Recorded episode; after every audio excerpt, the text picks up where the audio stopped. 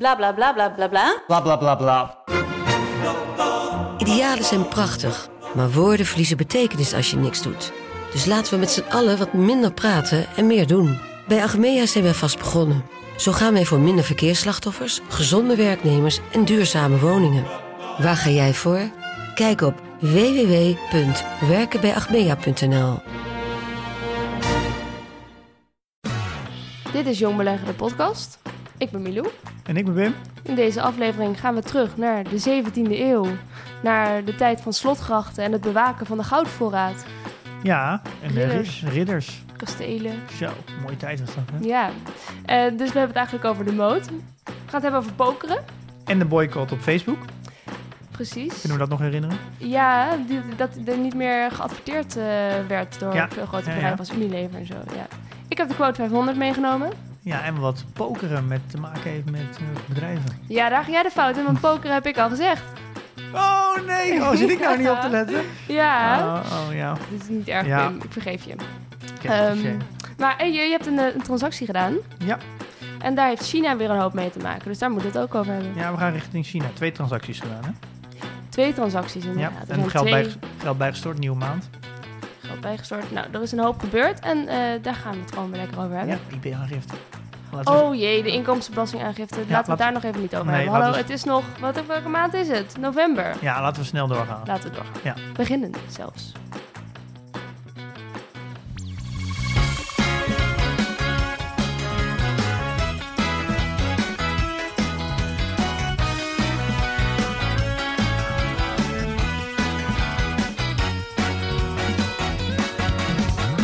Ik heb een wandeling gemaakt, Pim. Prachtig. Ja, ik zag een mooi, eh, mooi fotootje langskomen. Ja, ja, gewoon hier om de hoek. Ja, andere kant van het Amsterdamse bos eigenlijk. Eh, met jouw boekje, Roots. Eh, natuurlijk ook al vooral herfstkleuren en blaadjes. Maar je loopt door, langs sloten, door moerassen bijna... door een hele grote kersengaard met blaadjes in alle kleuren. E- enorme berken en overal alleen maar de dwarrelende blaadjes. Dat was echt oh, heel mooi. Ja. Maar volg je dan echt het, het, het parcours of, of het- Zeker. de wandeling in, eh, in het boekje? Ja, ja 8,3 kilometer was het. En, zijn er ook paaltjes of zo? Of moet je echt het Nee, boekje je moet wel echt kijken inderdaad. Wel een beetje opletten. En ze staat ook wel hier, slaan nu het eerste pad links af. Oh, en je ziet echt- ook de oh. route, dus je kan ongeveer een beetje, een beetje wat de richting is. Ja, Oh, dat zijn dus echt unieke routes dus. het zijn unieke routes. Dus je kan hem eigenlijk alleen lopen met het boekje. Volgens mij wel. Er staan geen paaltjes. Nee, het is een unieke Oh. route. Dus dankjewel nog daarvoor. En eh, er wordt gebruik van gemaakt, dan weet je dat. Oh, kijk. Een goed cadeau dus. Ja. En het gaat goed met de podcast. Ja. Oh ja, nog even een reminder. Ik ben ook binnenkort jarig, hè? Wanneer ben je ook weer jarig? 7 november. Oh ja, oké, goed. Ehm, wil je ook boswachter worden toevallig? Eh, nou, nee. Ik leen jouw boekje wel een keer. Oké. Oh shit, dan moet ik nadenken. Oh, oh. Oké, goede reminder. Ik ga eraan denken. En het gaat ook goed met de podcast. Ja, we zijn over de 100.000 luisteraars heen in de maand. Ja, dat, als je het zo even snel zegt, denk je dat is niks. Maar als je het even gaat visualiseren, twee keer de arena vol. Ja. En dan elke maand. Ja. Ja, het, is best wel een gek idee dat er... Maar dat gaat ook hard, want vorige week zaten we hier nog met 85.000. Ja, het is, dat komt denk ik wel vooral door, eh, door denk ik, Radio 1. Nee, het, het is, ik merk het ook wel aan alles hoor. Ik merk het aan de mailtjes. Ik krijg zoveel mailtjes binnen. Ik, nee, ik kan het niet meer bijhouden. Je, Ik, eh, je, je trekt het echt niet. Nee, ik, nou, ik probeer elke dag er eh, wat weg te werken. Maar ik heb een, een wachtrij van 65 mailtjes nu. Dus het, het gaat heel lang duren, denk ik, voordat ik alles kan wegwerken. Heftig, ja. Ik, ik realiseer me ook nu pas een beetje van alles wat wij in de eerdere aflevering hebben gedaan. We zeiden toen ook daar een beetje van, ja, stel je vragen, maar we beantwoorden wel. Die mensen die nu net zijn begonnen, die weten dus niet hoe fucking druk jij het hebt. Nee, dus eh, de bedoeling is misschien wel dat mensen nu iets minder gaan mailen. ja. en eh, ja, we zijn toen nu toch aan het proberen of ik iets minder kan gaan werken. Zodat ik iets meer tijd heb om, eh, om ook iedereen vragen te beantwoorden. En ook wat meer tijd heb om een podcast goed voor te bereiden. Ja. De voorbereiding die eh, wordt steeds korter. Ja, als in, ja, je hebt natuurlijk, dit is het, deze podcast is een pad van jouw ontwikkeling en alle inzichten die jij opdoet ondertussen. Maar je hebt het nu zo druk met mailtjes beantwoorden dat ja, je misschien wat minder tijd over hebt om daadwerkelijk inzicht zelf te ontwikkelen. Nou, dat klopt wel een beetje. Ik ben steeds meer bezig met eigenlijk het, het vastleggen en de, de, de randzaken eromheen. En daardoor steeds minder tijd om, om ook echt te leren en te ontdekken. Ja. Dus ik wil weer even een, eh, ja, wat meer tijd gaan, vrijmaken om te, te leren en te ontdekken. Ja, Dus er gaat wel in de toekomst wel wat dingetjes veranderen. oké. Nou, spannend. Ja? Ja, nou dan deze ehm, aflevering. Oh ja, mijn huiswerk. Ja, sorry, ik vind het gewoon heel erg moeilijk. Ik zit telkens naar die eh, Giro-kernlijst te kijken. Eh, en ik, het is gewoon Chinees. En dan ga ik alles zitten opzoeken en dan vergeet ik het weer. Ik heb gewoon geen... Ik vind het moeilijk. Maar ik ben erover aan het praten met een vriendin. En zij praat erover weer met haar moeder, die... eh, nou ja, een, ervaring heeft in de beleggingswereld. Zij zegt ook, ja, je hebt nu wel genoeg eh, in Amerika. Zij heeft ook de S&P 500. Oh ja. Eh, dus nou, we zijn, het is work in progress, maar Oké. zoiets gaat niet over één nacht ijs bij mij. Nee, maar dat maakt ook helemaal niet uit. En dan, dan blijf het gewoon af en toe even delen. Ja, dat is goed. Als, ik je- iets weet, dan, dan Nou, hoor als je je hulp nodig hebt, dan eh, Ja, maar ik wil het een weet keertje ik wel, zelf ken ik wel een goede podcast zijn. Oké. ik begin nog een keer bij aflevering 1 inderdaad. Goed, eh, deze aflevering hebben we het over blue chip en mode beleggen. En, Ja. Nou weet ik al wat mode is, want dat heb je al een keer uitgelegd. ja, dat is al een keer te sprake gekomen. Hè? Ja, het was die slotgracht onder het kasteel. Ja, nou ja, nu verklap je het natuurlijk in één keer. Dat zo, eh, maakt ook helemaal niet uit. De meeste mensen kennen dit denk ik wel. Ja. Maar ik, misschien kunnen we wel beginnen met een verhaaltje vertellen. Oké, is goed. Zo, eh, Daar hou ik van. Ja, daar hou je van, hè? Tim, take me Eh, away. In de 17e eeuw Ja. was er een groot bos. Dan nu ben je, nou ben je, nou heb ik je aandacht, hè? Ja. Ja, en daar werd natuurlijk een koninkrijk, moest al zijn bezittingen beschermen. Wat werd er dan snel gemaakt? Er een kasteel gebouwd. Nou, die, de kastelen zijn natuurlijk ook geëvolueerd hoe sterker ze zijn geworden. En op een gegeven moment met een soort van vier palen aan de zijkant met een muur ertussen.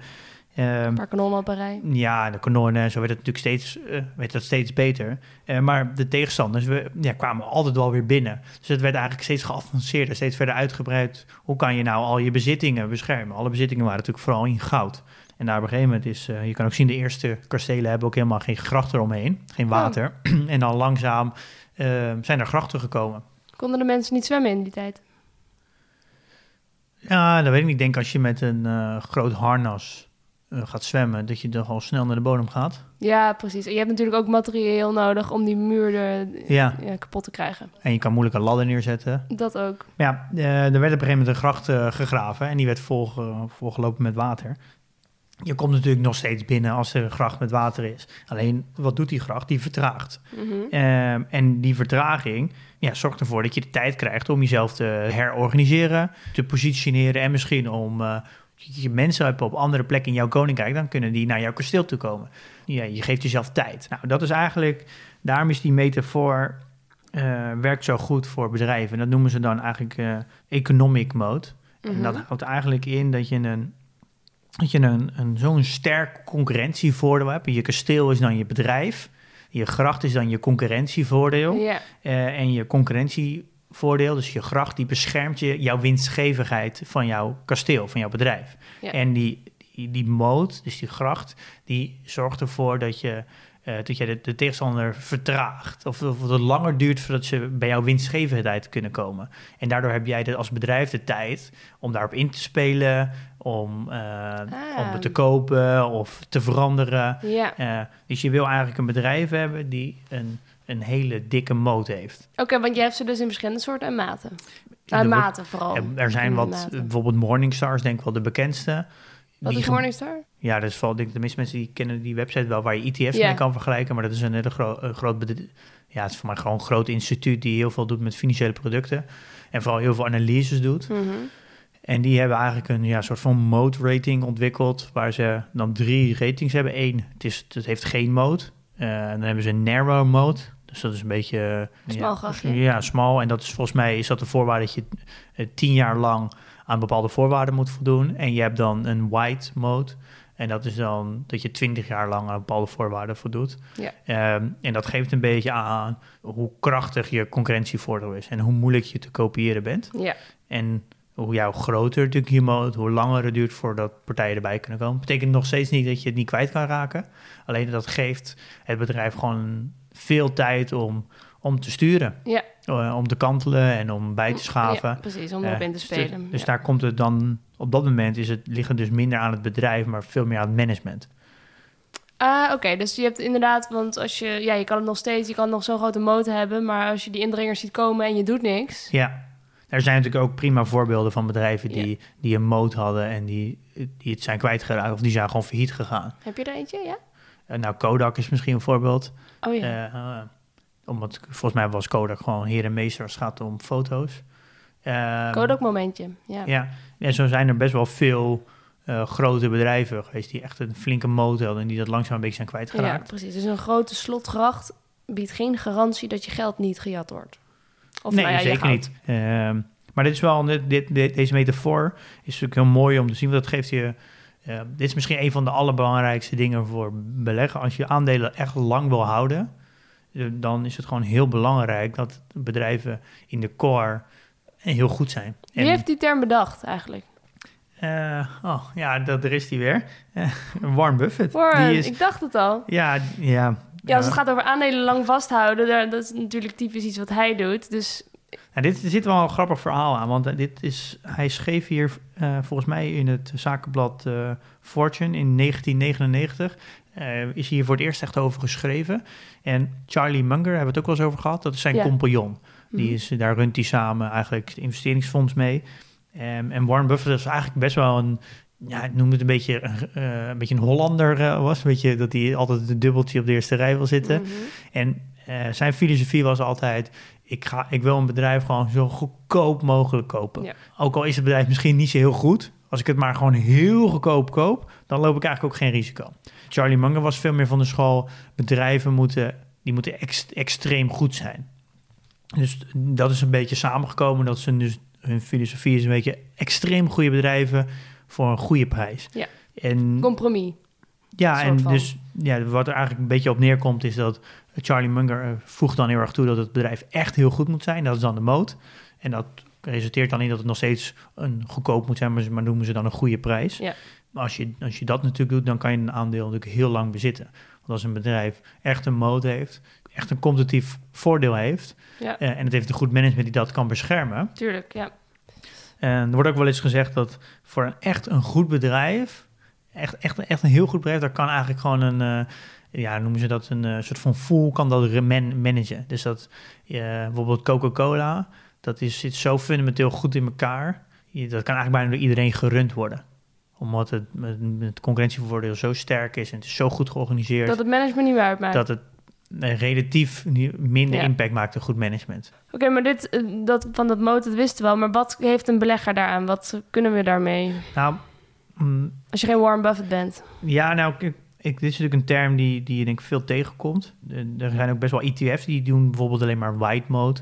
Een ETF, dus je hebt. Van Eck is natuurlijk de Nederlandse eh, ETF-uitgever. Mhm. dus daar heb ik even gekeken. Daar is eh, een eh, US white mode en de global eh, white mode. En Oké. dat zijn eigenlijk twee ETF's die dus alleen maar in modes beleggen. En je denkt heel snel dat... Kijk, een mode hoeft natuurlijk niet zo gelijk te zijn als een, McDonald's of een, of een Coca-Cola. Het kan natuurlijk ook een relatief klein bedrijf zijn die in een hele kleine niche zit, eh, maar wel bijvoorbeeld 70 of 80 procent van die niche in hand heeft eh, en daardoor een concurrentievoordeel heeft, bijvoorbeeld in schaalgrootte. ja. Ehm, en dat is, dat is wel grappig om, om die ETF eens een keer door te lezen. Want dan zie je dus dat de Global Wide Mode staan 66 bedrijven in. En er staan heel veel bedrijven in die je helemaal niet kent. En Hm. dat maakt het natuurlijk heel interessant. Want je denkt heel erg snel aan de grote jongens. Die worden natuurlijk ook altijd gecommuniceerd. Als je naar mode zoekt, dan krijg je de bedrijven zoals natuurlijk een eh, Coca-Cola en een Apple en zo. Maar je kan natuurlijk ook gewoon een mode zoeken in, in een kleine industrie. En dan denk ik Ja. bijvoorbeeld zo'n mooie Tor Industries. Eh, nou, dat kent eigenlijk helemaal niemand. Maar dat is een bedrijf dat eh, verkoopt campers en caravans. En er zijn volgens mij, als ik het goed zeg, ik weet even de concurrent niet, maar ja, de verdeling van de bedrijven in die sector eh, is, is dan Tor Industries en nog een ander, ben ik even, omdat ik de naam nu van kwijt ben. Maar die we zitten samen ongeveer zo'n 70, 80 procent van de markt. ja. Ehm, je, het is natuurlijk niet zo'n hele grote industrie. Maar Nee. omdat die industrie wordt eigenlijk ja, wordt gerund door twee verschillende bedrijven, eh, weet je eigenlijk wel zeker dat die, die twee gaan gewoon een gigantisch concurrentievoordeel hebben ja. naar de rest van- de industrie. Met beleggen moet je heel snel, je moet gewoon veel meer kijken naar peers. Dus je moet kijken welke sector zit het en wat zijn dan de concurrenten. Want eh, kijk, als- als mensen een camper willen kopen, dan, ja, dan, heb je, dan kan je wel vergelijken met een Apple of met andere bedrijven, maar dat heeft helemaal geen zin, want die verkopen geen campers. Nee. Dus als mensen een camper willen, dan gaan ze toch naar alle campers kijken. En Ja. dan, wat voor bedrijven blijven er dan over? Ja. Als je ziet dat de campersindustrie jaarlijks groeit, eh, dan weet je zeker dat eigenlijk als een bedrijf eh 40% in handen heeft, ja, dat dat dan ook een groot gedeelte 40% van die groei pakt. Ja. Ja, dat, en, ja, dat is dan een vrij makkelijke rekensom. Eigenlijk, is, eigenlijk moet je als je belegt eigenlijk altijd zoeken naar een moot. Eh, ja, iedereen die zit natuurlijk in de Apples en de, en de Microsoft, want die hebben natuurlijk een hele duidelijke moot. Maar de, waar denk ik ook een groot gedeelte van je portfolio uit kan bestaan, zijn kleinere bedrijven die een moot in een kleinere hoek hebben, in een kleinere Ja. sector hebben. Ja. Daarom is de moot zo belangrijk. Maar wat En- handig dat je daar een ETF voor hebt. Ja, nee, dat is een. Dat is en- toch ideaal dan?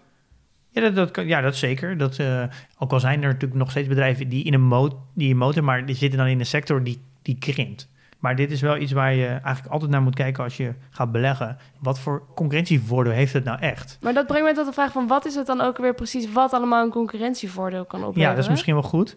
Ja, het zijn eigenlijk immateriële activa. Ja, dat klinkt allemaal weer zo heel technisch. Ja. Maar dat houdt eigenlijk in dat het gaat over patenten, overheidslicentie, merknaam. Dat zijn, waarom ze dat immateriële activa noemen, is dat die staan een soort van op de balans, maar, maar die moet je zelf waarderen. En dat is heel moeilijk, want hoe waardeer je een patent, een overheidslicentie of een merknaam? Eh, maar bijvoorbeeld, neem bijvoorbeeld Coca-Cola. Nou, dat is natuurlijk een merknaam, dat is gigantisch. En die merknaam heeft, is heel veel waard. Ja. Eh, nou, Disney is ook een voorbeeld eh, als het gaat om patenten. Dus die heeft natuurlijk zoveel patenten op al die Disney eh, Figuren, figuren ja. die ze gemaakt hebben. Ja. Bijvoorbeeld Mickey Mouse en zo. Ehm, dus dit is een hele belangrijke. Dit is echt een, een gezien als een concurrentievoordeel. Ja, Ehm, je zou zeggen elk bedrijf heeft een merk. Misschien niet dat zoveel waard is als Coca-Cola, maar Ja, maar sommige merken ben je, gewoon, ben je gewoon heel merktrouw. En dan wordt ook als voorbeeld genomen Tiffany. Ik weet niet of je Tiffany Diamonds ja, kent. tuurlijk ken ik dat. Eh, daar wordt namelijk Tim, gezegd dat vrouw. mensen, vooral vrouwen, die zijn bereid 25% meer te betalen voor een Tiffany Diamond dan voor een ander merk. Het is exact hetzelfde diamond. Ja, dat slaat nergens op. Dit geeft je een extreem concurrentievoordeel. Ja, Daar Ja. kan gewoon een andere partij niks tegen doen. Wat kan je dus doen als Tiffany? Ja, of je hebt hogere marges, of je kan ze op een gegeven moment goedkoper wegzetten. Ja. Of andere dingen aanbieden. Dus je, kan, je, je hebt gewoon een extreme concurrentievoordeel. oké, next. Ehm, overstapkosten. Mhm. Dat is eigenlijk het, het gemak waarmee de klant kan overstappen. Oeh, mag ik deze invullen? Dat heeft misschien te maken met dus of je met Microsoft werkt als bedrijf. Dan ga je niet opeens al je computers, ga je Microsoft afhalen Ja. en op iets heel anders overstappen. Ja, dat is een hele goeie. Ja. ja, dat klopt. En de Oracle is ook, dat is ook een beetje Microsoft. Dat- Die doen dan database eh, eh, structuren. Dus als je organisatie in al je data in je organisatie draait op Oracle.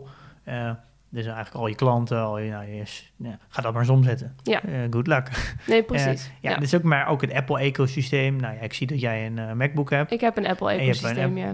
Ik zie jou dan niet zo snel een tablet van Windows kopen.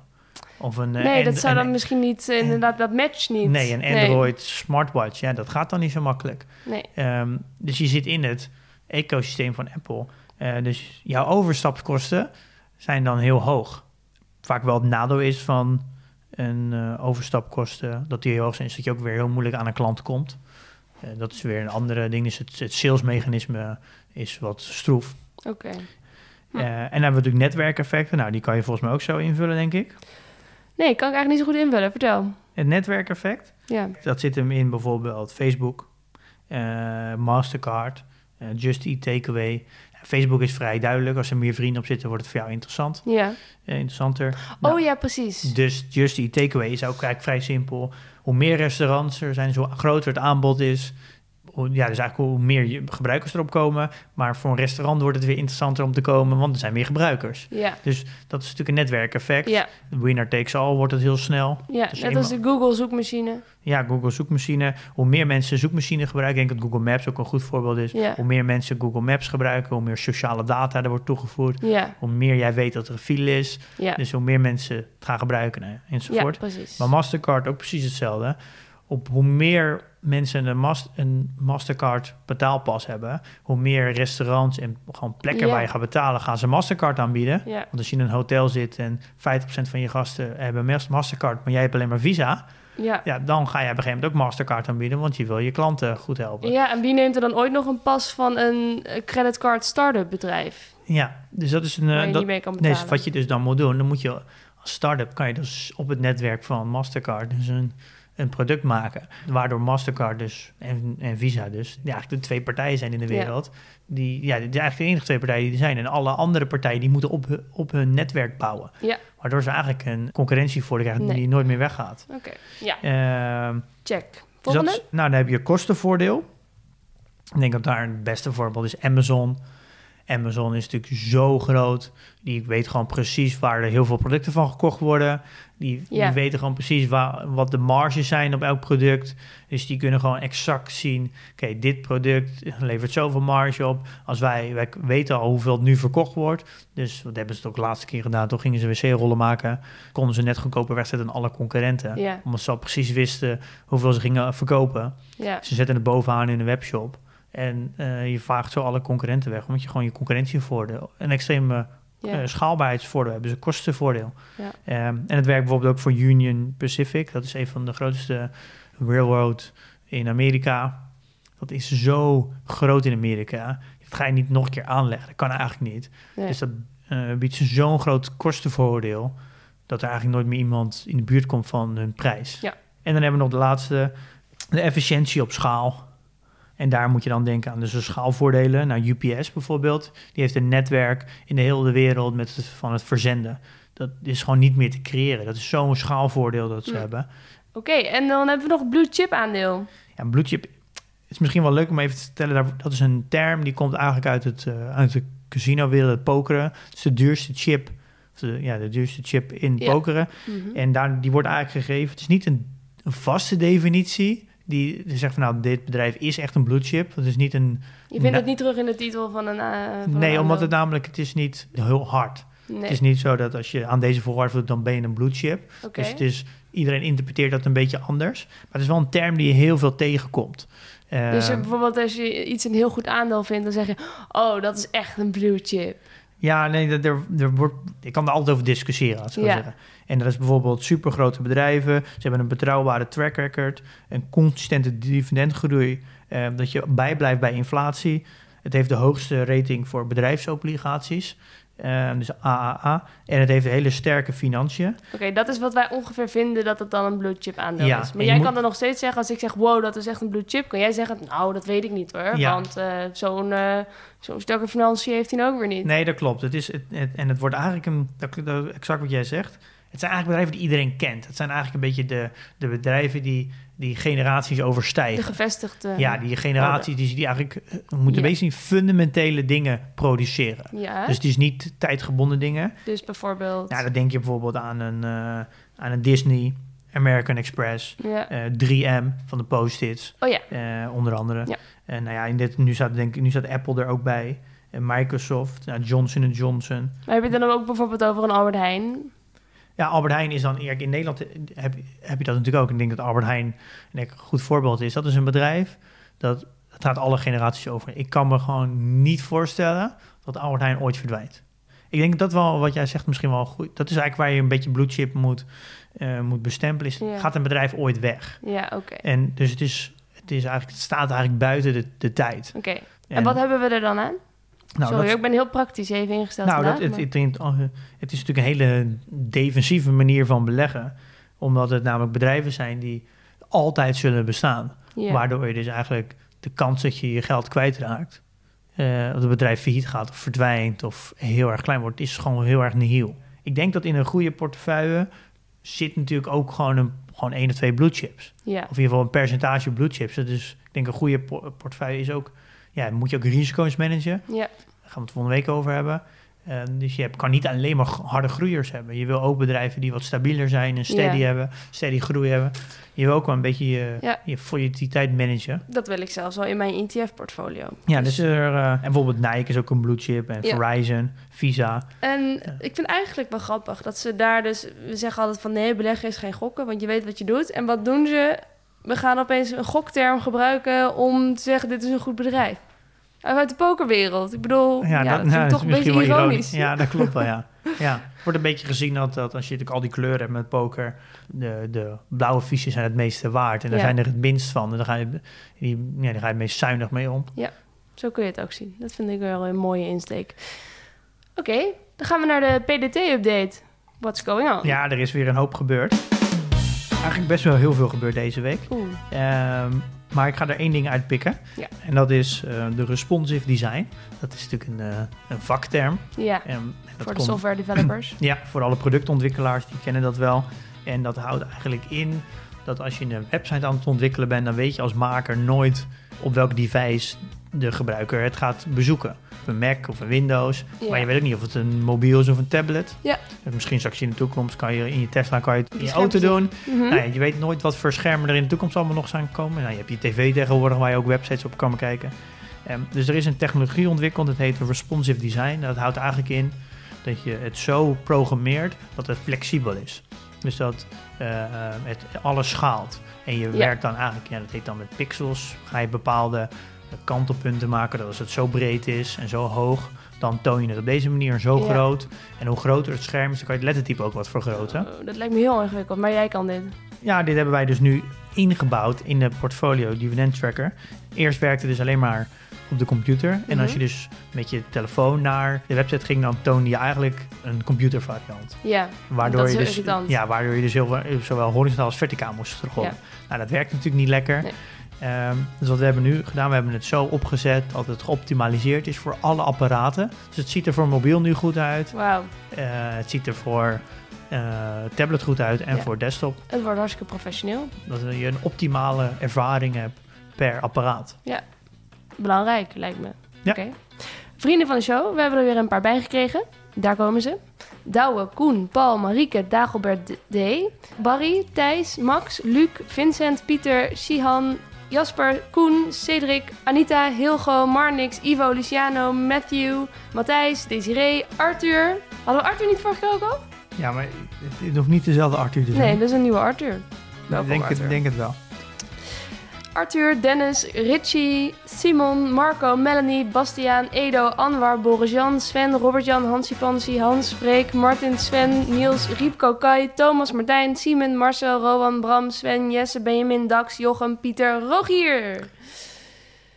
Welkom. Ja, welkom. Echt, echt super bedankt voor jullie steun. Ja, Eh, leuk dat jullie meedoen. Ik, ja, ik weet, waardeer dat enorm. Ik Ik heb natuurlijk de meeste mensen al, eh, al persoonlijk leren kennen. Ja. Eh, want iedereen die gaat ook de community in en die stelt zich ook voor. Ja, ik denk de meeste mensen die heb ik al even kort een praatje meegemaakt. Ja, en ik weet wel- Marieke bijvoorbeeld. Hè? Marieke Oh, heeft zelfs een oh ja, profielfoto genomen eh, van een poes. Speciaal voor mij. Ik voel me vereerd. Ja, dus het is wel, eh, het is heel leuk. Dat, dat, ja, ik waardeer natuurlijk heel erg dat mensen het vertrouwen in ons hebben om dit product te bouwen. En ook mee willen denken, tijd steken om feedback te geven en het gebruiken. Ja. Eh, ja, eh, ja, echt super, super fijn. Dankjewel. Dan het nieuws. Ja, Ik heb de quote 500 meegenomen, maar laten we eerst beginnen met jouw nieuws. ja, er is zoveel gebeurd afgelopen week dat we echt heel kritisch Ja. moeten zijn wat we gaan vertellen. Anders maar- zitten jullie anderhalf uur te luisteren. Ik heb natuurlijk twee, drie weken geleden of vier weken geleden Proces gekocht. Mhm. Het is natuurlijk eigenlijk in een soort van investeringsfonds. Ze hebben eh, heel veel cash. Volgens Ja. dat, ik weet even niet meer exact, maar het gaat over miljarden cash. Zo'n iets van 60 miljard of zo. Mhm. En ze willen daar bedrijven voor kopen. En dan vooral internetbedrijven die in consumentenmarkt zitten. Dus eh, bijvoorbeeld eh, Tencent en eh, Ja, thu- thuisbezorgd bedrijven. ja. En, Dus, jij, en jij had dat toen gekocht omdat jij dacht dat het ondergewaardeerd was. toch? Ja, ik had dus daar een analyse over gemaakt dat het zwaar ondergewaardeerd, Ja. ondergewaardeerd was. Als je de cash plus alle waarde van alle bezittingen die ze hebben, dan kwamen ze ruim onder een intrinsieke waarde. Ja. Dus ik heb dat gekocht. Ja. En het grappige is nu dat Bob van Dijk, de CEO, die heeft aangekondigd dat ze alle bedrijven zo duur vinden nu, dat ze eigenlijk geen, geen bedrijven kunnen vinden om te kopen. Dus die cash die ze hebben, die kunnen ze eigenlijk niet kwijt. Ja. Dus op een gegeven moment dan heeft hij gezegd, nou dan gaan we gewoon voor 5 miljard eigen aandelen inkopen. Want ik vind mijn eigen bedrijf extreem ondergewaardeerd. Oké. Ehm, dus dan koop ik gewoon mezelf, want ik vind mezelf te goedkoop. En ik, ik heb, ja, ik, dat geeft mij altijd wel een lek. Dit geeft mij een goed Ja, gevoel hier word je blij van. omdat ik het bedrijf koop met de reden dat het ondergewaardeerd is, Ja. onder de intrinsieke waarde. Nou, de huidige CEO zegt, beaamt dat ook. En eh, als ik dan dat interview ook lees, dan geeft, gaat het gewoon heel verstandig om met het geld. Ze zitten daar op een hele grote pot met geld. Dus wat is het makkelijkst om geld uit te geven en nieuwe bedrijven te kopen? Maar ze maken een bewuste keus. Het is gewoon te duur nu. Wij vinden het gewoon niet waard nu. Dus die, het geeft mij een goed gevoel dat ze verstandig met het geld omgaan. Dat ze duidelijk gewoon grenzen trekken. Dit is onze grens. Verder gaan we niet. We laten Ja. ons niet emotioneel leiden. En gaan dus aandelen inkopen, wat dus effect heeft op de prijs. Ja. En het aandeel is ook eh, sindsdien ook wel flink omhoog gegaan. ja, dit, dit, zijn, dit zijn berichten als je dan een aandeelhouder bent. Ik, ja, je- ja, dit voelt lekker. Ja. Eh, Misschien is dit ook wel trouwens een goede gelegenheid om even eh, onze disclaimer in te spreken, die we in gaan bouwen. oh, ja, goeie. Ja, Weet je ja. wel? ja heel goed. Wacht, ik heb iets opgeschreven. Dan kunnen we deze ook later eh, gebruiken. Gewoon. Ja, is goed. Deze podcast is 100% expertisevrij en alleen geschikt voor amusementsdoeleinden. De inhoud mag niet worden beschouwd als financieel advies. Zo, hebben we onze plicht ook weer gedaan om eh, ons eh, in te dekken voor een hele grote boete. Precies. Oeh, dat scheelt. Oké. Ehm, nou, interessant, lekker. Ben je Ja. goed bezig met Prozus? Ja, en eh, nou, ik ga nog even snel een nieuwtje doorheen fietsen. Oeh. Daar ga ik het alleen maar de- even kort zetten. Ja? We hebben het maanden geleden gehad over de boycott van bedrijven zoals Unilever naar Facebook toe. Dat advertenties Ja. werden stopgezet. Ja. Maar daar heeft Facebook natuurlijk helemaal niks van gemerkt. Want de omzet is van 22% gegroeid in een kwartaal. Wow. En dat vind ik dan altijd zo grappig. Dan hebben we het over een boycott en alle media schrijven erover. Oh, Facebook gaat zwaar krijgen, want grote bedrijven gaan 22% meer omzet. Het is, het is eigenlijk lachwekkend. Ja. Dat, eh, hoe erg dan zo'n media dat kan, van fout kan hebben. Hoe erg Ja. dan dat, dat, dat sentiment gecreëerd wordt. Ja. Dus de boycott heeft gewoon nul effect. Gewoon nul. Ja, vind ik, dit geeft maar weer aan dat het gebeurt met heel veel bedrijven. Hè? Met alle Ja. goede bedrijven gebeurt dit wel een keer. Ja. Daar moet je op letten, want als dat een keer gebeurt bij zulke soort goede bedrijven, dat zijn momentjes natuurlijk Ja. waar, je, waar je kan instappen. ja. Oh ja, misschien ook wel een leuk feitje. Eén één op de drie wereldbewoners eh, heeft een Facebook-account. Oh nee, wat erg. Goed. Ehm, nou ja, nu blijft er natuurlijk wat minder tijd over voor de quote 500. Dus misschien hoeven we dat ook niet echt te, te bespreken. Maar hij viel op de mat en ik dacht, nou, het is best wel leuk om even te kijken wie, wie daar gewoon in staan en hoe ze daar zijn gekomen. Zeker Ja. ook nu ik al een tijdje met jou aan Nou, het dat praten is- ben over bedrijven. Nou, maar wat is je opgevallen? Ik vind het wel. Ik nou, heb, wat ik mij heb opvalt eigenlijk. is dat er zoveel supermarkten in staan. Ik had het nooit gerealiseerd. Dus ook de- zo'n zo'n zo'n pleppenwinkel als Dirk van den Broek staat erin. De Deen staat erin. Nou ja, natuurlijk Albert Heijn, de familie Heijn eigenlijk. Het is eigenlijk niet Ehm, heel gek, hè? Want ik had het net over. Nee, het is helemaal niet gek. Dus daarom moest alle ik er ook aan supermarkten denken. bestaan volgens mij gewoon tussen Ja. de 50 en 100 jaar. Die hebben gewoon een mode. Die hebben allemaal een mode. Of Ja. ze zijn blue chip. Nou, nee, ik denk, ik denk dat, nou ja, maar echt een mode hebben ze volgens mij niet de meeste. Ja. Eh, maar ze hebben vooral wel allemaal een, een samen wel vrij blue chip. Maar ze, Ja. zitten vooral, ze hebben gewoon allemaal regio's. Hè? Dat is een Ja. beetje de, bijna een soort van afspraak die er lijkt te zijn. Dat elke supermarkt heeft een soort van zijn eigen regio. Maar ik, ik heb ook wel. Dat ik, is leuk ik, zag- ik had het met even open, opengebladerd. ja, en ik heb jou over die self-made Ja. verteld, toch? Die erin staat. We zien daar natuurlijk wel eh Jitse Groen van Takeaway. Ja, Eh, heel veel mensen van Adyen. ja precies. ja. Die komen natuurlijk vaak voorbij. En dat, dat kijk ik dan dus naar met nou ja, een blik van herkenning in ieder geval. Dat is wel leuk. Maar Dat- zoveel self-made ook. Dus Ja. heel veel mensen, bijna die hele code 500 bestaat uit mensen die zelf iets hebben opgebouwd. Ja, er staan natuurlijk de, de or- oranjes staan er ook in. En nog wat adel. Die gewoon geluk hebben. Maar Ja. de meeste mensen zijn self-made. Ja, wel knap hè? Ik vond het ook wel op een bepaalde manier dus inspirerend. De, alle, de 90% van de rijken die bezitten bedrijven. Ja. Of zijn eigenaar of, of we zijn een gedeelte eigenaar. Dus het is gewoon de enige mogelijkheid Ja. dat je kapitaal bouwt. Is gewoon assets te bezitten die groeien. Zonder dat jij er zelf e- tijd voor insteekt. En normaal ben jij je eigenlijk jezelf je grootste asset. Je, jij werkt, jij ruilt uren voor, voor kennis en voor, eh, act- voor act- handen. Mhm. En, maar daar word je beter in. Dus je krijgt meer, je krijgt meer voor betaald. Ja. Maar dat is natuurlijk helemaal niet schaalbaar. Eh, en Nee. bedrijven die, die doen, doen exact hetzelfde. En dan gaan andere mensen die dat dan voor je doen. Ja. Maar dan kan jij ondertussen gewoon iets anders doen. Ja. Dat is ook de reden waarom het zo belangrijk is dat iedereen leert beleggen. Is dat je dus een asset creëert wat meer waard wordt over tijd, zonder dat je daadwerkelijk er zelf bij hoeft te zijn. En dit is wat rijken natuurlijk in de core snappen. ja. Rijken worden alleen maar rijker door hun assets en niet door hun eigen hun Uren. bloed, zweet en tranen. Ja, precies. Oh, weer zo'n wake-up call, mensen. Word ondernemer. Nou, je, je, je kan, eh, je, hebt- je bent nog hartstikke jong. eh. Ik zie dat de onderste, om erin te komen moet je 100 miljoen hebben. Nou, Nou, hè? Nou. dat nou is wel te doen. ja, je, bent, je bent nog niet eens 30. Eh, nog een jaartje, Pim. Oké, we gaan maar snel door. Eh, even kijken, waar waren we? Ga naar de, ja, je portfolio-update, want er is een transactie gepleegd. Facebook en Alibaba. Ehm, maar we zitten in een nieuwe maand, hè, november. Oké, En dat betekent, eh dat je wat erbij dat gestort. ga ik bijstorten. Ja. Ik heb eh, 3000 euro erbij gedaan. Oké, dus die enorme winst in je portfolio, die komt vooral daar vandaan. Ja, die, ja klopt. Maar ik, ik heb natuurlijk ook wat dividend nog ontvangen. De afgelopen tijd. Dus dat heb ik ook eh, herbelegd. Dus ik heb een klein beetje gedaan in Facebook. 900 euro. Ik hoef nu niet helemaal in Facebook te duiken. We weten wat je Ja. daarvan vindt. Ja, eh, maar Alibaba, Alibaba is, is wel misschien nieuw. interessant. Is ja. nieuw. En ik zit al, al eigenlijk al lange tijd in, met de gedachte dat ik, dat ik meer exposure wil hebben naar China. En dat doe ik eigenlijk door Proces en Tencent. Dan via het Proces en dan Tencent. Zit ik Ja. eigenlijk met 33% om erbij in Tencent. Mhm. En Alibaba is ook een, nou, natuurlijk een bedrijf wat eigenlijk een beetje de Amazon van China is. Maar die bezit dus ook aan de Ant Group. Gaan we het zo nog even over hebben, want daar heeft een luisteraar een vraag ook over gehad. Eh, maar daar bezit Alibaba 33% van. Oké. En het grappige is, dat dan heb ik dus eigenlijk indirect een percentage, eigenlijk 33% in Tencent en 33% in Ant Group.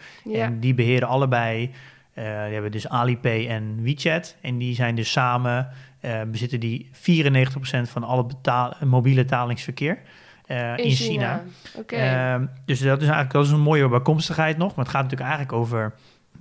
ja, exposure naar China. het gaat, ja, het gaat eigenlijk over natuurlijk eh, Alibaba in dit geval nu. Maar ik wil langzaam iets meer mijn portfolio ook iets meer naar, naar China sturen, maar dan op technologiegebied. Eh, ik merk dat China daar hard op aan het inzetten is, dat er een hartstikke grote groeimarkt is. Ze lopen best wel ver voor, meer ook maatschappelijk voor. Ik denk dat de, eh, hoe de samenleving daar naar technologie kijkt, eh, wel veel verder is dan, dan hoe wij nu tegen technologie kijken en wat wij acceptabel vinden van bedrijven. En Wij als Europa, of bedoel je ook nog de Verenigde Staten? Ook nog wel? Amerika, ja. Eh, heeft natuurlijk ook wel met privacy te maken. Mhm. Uh, maar uh, ik, ja, ik wil ook wel, ik, ik vind dat ik ook toch wel iets meer kan China steeds moeilijker negeren. Dus ik, en dan is het natuurlijk het makkelijkst om in te stappen in hele grote bedrijven, om daar de informatievoorziening van, ja, van China naar Europa of naar Amerika toe gewoon wat makkelijker is dan als je een wat kleinere speler hebt. Dus dat geeft, ja, maakt voor mij wel comfortabel om, om dan in te stappen in de grote partijen. Is ook wel Ja. minder risicovol. En Alibaba is eigenlijk de Amazon van China. Eh, dus het valt echt onder de echte supergrote. En onder de supergrote vallen natuurlijk de Microsoft, Apple en al die eh, bedrijven. Maar daar is eh, Alibaba echt bij far de goedkoopste. Echt structureel goedkoper dan alle andere supergrote jongens. Oké. Eh, het is zelfs 2,5 keer goedkoper dan Amazon. En de markt in China groeit natuurlijk veel harder eh, dan Amerika. Dus ik, ik zie wel een hoop potentie nog wel in eh, Alibaba. Een groot gedeelte van de omzet komt uit e-commerce, ongeveer 86% En ze gaan eigenlijk net als Amazon, eh, ze lopen echt, ze kopiëren gewoon exact Amazon. Dus ze gaan ook naar clouddiensten, ook digital entertainment. Nou ja, eigenlijk de hele pijverdeling van revenue van Amazon. eh, die ja, dat doet Alibaba eigenlijk ook. Alleen Alibaba loopt nog wel heel erg wat achter in die ontwikkeling. Ook al China loopt daar iets meer in achter. Eh, dus je ziet ook nog wel hoeveel potentie Alibaba nog heeft in al, al die andere ja, plekken waar ze omzet vandaan kunnen Ja. halen. En het grappige is ook om te zien dat Alibaba heeft 45% van alle ja, het soort van de cloud-infrastructuur in handen. En het grappige is dat 14% is Tencent. Dus dat zijn eigenlijk Tencent en Alibaba hebben dus best wel samen een groot gedeelte. Dus jij hebt een groot gedeelte. Ja, en dat is natuurlijk een, op dit moment een extreme groeimarkt ook. Ja. Dus ze groeien ongeveer 20% per jaar. Ja, daar kan je eigenlijk... Ik heb wel het idee als ik dit... Je eh, dacht, ik kan me daar geen bel aan vallen. Nee, dat denk ik niet. Eh, Blij mee dus. Ja, daar ben ik wel blij mee. Je zei inderdaad dus net, we hebben ook daar een vraag over gekregen, over dat Ant Group. Ehm, die heb ik inderdaad wel gelezen. Anders doen we die nu alvast Ja, eventjes. Mag je zo verder over je, je dividend en zo. Ehm, even kijken, waar zit die? Dat was in de Apple Podcast app. Vijf sterren van V. Wajos. Toffe podcast, veel van bijgeleerd. Wat denk jij van de beursgang van Ant Group in China? Of Hongkong eigenlijk. Ehm, is dat een goede instapper of moet je daar weg van blijven? Nou, dit, dit is natuurlijk een... Het, het, het nieuws heeft dit bericht een beetje ingehaald. Oké, eh, omdat het stond gepland voor donderdag. Maar dat is de nu- beursgang. Ja, maar dat, zou de grootste beursgang ooit zijn. Ja. Dus de Saudi Aramco is dan, was dan de grootste, te- of is de grootste tot nu toe. Maar de beursgang is uitgesteld. Eh, Jack May, dat is de oprichter van, eh, van Alibaba. Die is ook oorspronkelijk volgens mij de oprichter van Ant Group. Dat is een, een uitvloeisel daaruit. Ehm, en die heeft problemen met de toezichthouder, financiële toezichthouder van China. En daardoor schijnt het nu uitgesteld te zijn. En nou ja, hoe ik denk over een IPO, daar hebben we een aflevering over gemaakt. Ehm, In principe nog even weg van blijven. ja, ik denk dit is, zou de grootste beursgang ooit worden. En wat ik heel veel las is dat er zoveel animo is voor dit bedrijf dat ze verwachten dat het bij opening van de beurzen direct 50% omhoog schiet. Dus voor particuliere beleggers, ja. ja, Ik weet niet of je direct moet instappen. Ik, eh, is ik, blijf, waarschijnlijk overrated. ik blijf er altijd even van weg. Kijk Ja. het even aan. Maar ja, als je toch graag in, in Endgroup wil zitten...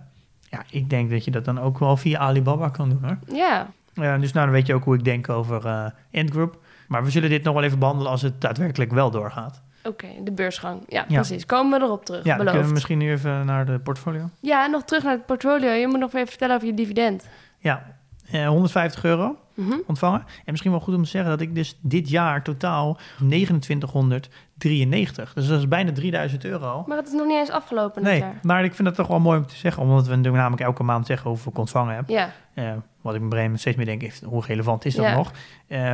Want mensen weten het ondertussen dit wel. klinkt meer inderdaad Ja. dan telkens die cijfertjes die ik gewoon Maar toch, van je hoor. ja, ik was wel even een momentje dat ik me wel even, waarom ik dit wilde benoemen, is dat ik heb wel 3000 euro aan eh, geld ontvangen, wat ik weer herbelegde. Die gaat ook nu jaarlijks re- rendement opleveren. Ja.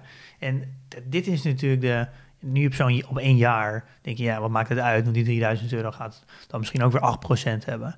Maar ja, als je dit, als je dit Ja. natuurlijk doorzet, dat is natuurlijk het compounding effect. En- jouw rekensom nog. en dit is wel, dividendbedrijven doen het slechter, technologie doet het heel goed. Dus je denkt heel snel, ja, ik moet helemaal niet in dividendbedrijven zitten. Ik moet volledig in technologie zitten. Dividend doet er niet toe. Ehm, maar de kracht van dividend zit hem juist in, in het lang volhouden en in de toekomst. En dat is iets Ja. wat, je, wat je helemaal niet ziet in het nu.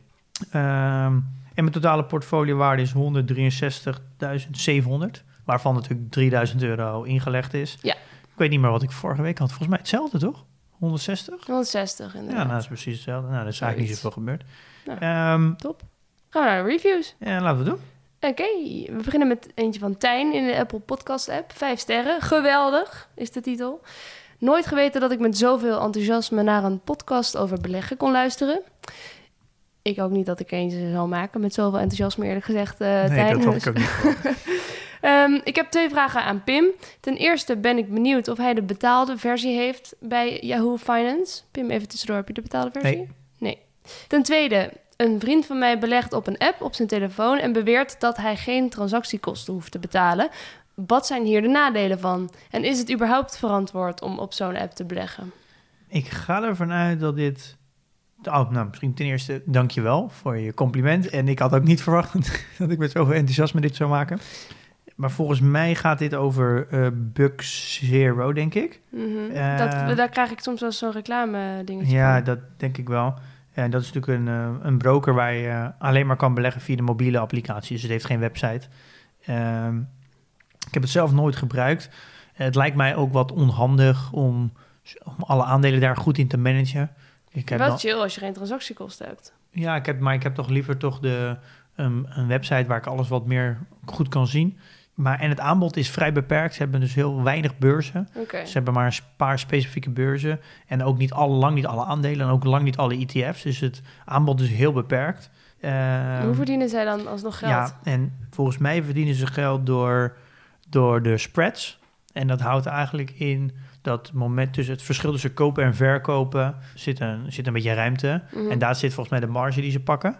Het bedrijf moet gewoon geld verdienen. Dus als het gratis is, betekent dat er op een andere manier geld verdiend moet worden. Ja, oké. Dus het zijn prima appjes denk ik om te leren en te starten. Ja. Maar ik denk als je, als je echt een serieus portfolio wil bouwen, dan denk ik niet dat, dat je daar dan eh, goed zit. Maar dat, eh, Oké. Volgende, even kijken. Pim vraagt Giel. Ik heb een vraagje over dividendbelasting. Ik heb namelijk laatst zowel bij mijn aandelenrekening van mijn bank als bij de Giro dividend ontvangen. Is hier al belasting over betaald of hoe gaat dit in zijn werk? Ja, bij een broker wordt namelijk altijd de dividendbelasting ingehouden. Dat is ook de reden waarom je niet zomaar bij elke broker kan aanmelden. En het aanmeldproces moet je je paspoort laten zien en je moet je bankrekening koppelen. Je moet namelijk een, eh, als broker een vergunning hebben bij de AFM. En volgens mij wordt dan automatisch ook de koppeling gemaakt met de Belastingdienst. Ik snap wel dat dit systeem zo is, want als het andersom zou zijn, dus iedereen zou de dividendbelasting ontvangen, dan zal iedereen einde van het jaar bij de IB-aangifte dat misschien moeten terugbetalen Ja, eh, of moeten verwerken. Dus de Belastingdienst heeft natuurlijk liever dat dat, meteen heeft. dat ze het meteen heeft en dan kan je dat later corrigeren. Ja. betaalt liever zelf wat geld dan ze overal moeten innen. Ja, Dus de, de broker houdt gewoon direct jouw ja, nou, eigenlijk afgesproken dividendbelasting in. Ja. En dit ga je namelijk merken bij je IB-aangifte. Mhm. Eh, dus dat wordt hoogstwaarschijnlijk ook automatisch ingevuld. Nou, ik heb hier best wel veel vragen over gekregen over dividendbelasting en IB-aangiftes. Ja, dat, dat is nu nog niet relevant. Dat Nee. gaat volgens in maart, Ja. april. Dus Tegen die tijd Ja. ben ik het ook weer vergeten anders. Als je het niet ja, vertelt. dus laten we dat gewoon een aflevering over maken. Als we, als we zover zijn, dan, pak, ik- dan doe ik het net even ervoor mijn eigen aangifte. En Ja. dan eh, weet ik precies hoe, wat er om gevraagd wordt. Oh, dat lijkt me echt top. Eh, en dan eh, kunnen we dat doornemen. Maar het is echt niet moeilijk. Oké. Ja? Dan zien we je in maart volgend jaar. nee, we zien elkaar gewoon weer volgende week. En dan gaan we het hebben over... Dus ja, je zei het al, risicomanagement. Ja, risicomanagement is een beetje zoeken naar titel, risico versus rendement of managen van risk. Maar het gaat, het gaat er uiteindelijk om. Het gaat, ja, risicomanagement is misschien wel. Er ook iemand die heeft daar ook een mailtje over gestuurd. En dat is wel, eh, daar is ook al een beetje de aanleiding waarom ik deze aflevering naar voren heb gehaald. Ja, Ehm, die heb ik gelezen, denk ik. Dat ik- risico, oh ja, die heb een je ook hoog risico niet per se hoog rendement is. Ja, ja klopt. Die, eh, en dat was eigenlijk wel een mooi punt. Dus als iemand meer rendement heeft gemaakt per Hier jaar... gaan we het wel volgende Ja. keer over hebben. Goed? Dan wil je. nou ja, ja. Maar dit is, een, dit is ook voor mezelf heel interessant. Ja. Want ik zit natuurlijk met een aantal holdings en zo. Dat is eigenlijk te veel. En oh ja, dat is misschien ook wel leuk om te zeggen. Ja? We gaan binnenkort met gasten werken. Eh, we hebben een hele mooie gast. Die, de reden waarom we deze podcast maken is eigenlijk door die man. Ben ik nog laatst geweest. Die gaf me ook weer als tip over risico's. Die zei van ja, je, boven de 20 aandelen, dan is het moeilijk, steeds moeilijker om, om te weten wat je, wat je bezit. Je hebt, ja. Eh, dus daardoor neemt eigenlijk je risico weer toe. Ook al ben je goed gespreid. En hij ja, gaf me alweer heel veel mooie inzichten. Ik denk, hé, hey, ik moet toch wel meer gaan leren over risico. Maar we houden zijn naam nog even geheim, begrijp ik? Ja, ik wil, dat gaan we nog aankondigen als het helemaal definitief is. Oké, is goed. Eh, maar we, gaan, we zijn er aan het werk met gasten. We hebben nu al twee afleveringen gepland om, eh, om met een gast te doen. Het is alleen een beetje puzzelen, want wij kunnen namelijk alleen maar op één speciaal moment. Dus de gast moet dan ook precies kunnen. Ja.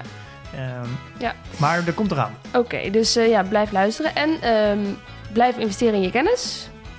En beleg met beleid. Tot volgende keer. Tot volgende week.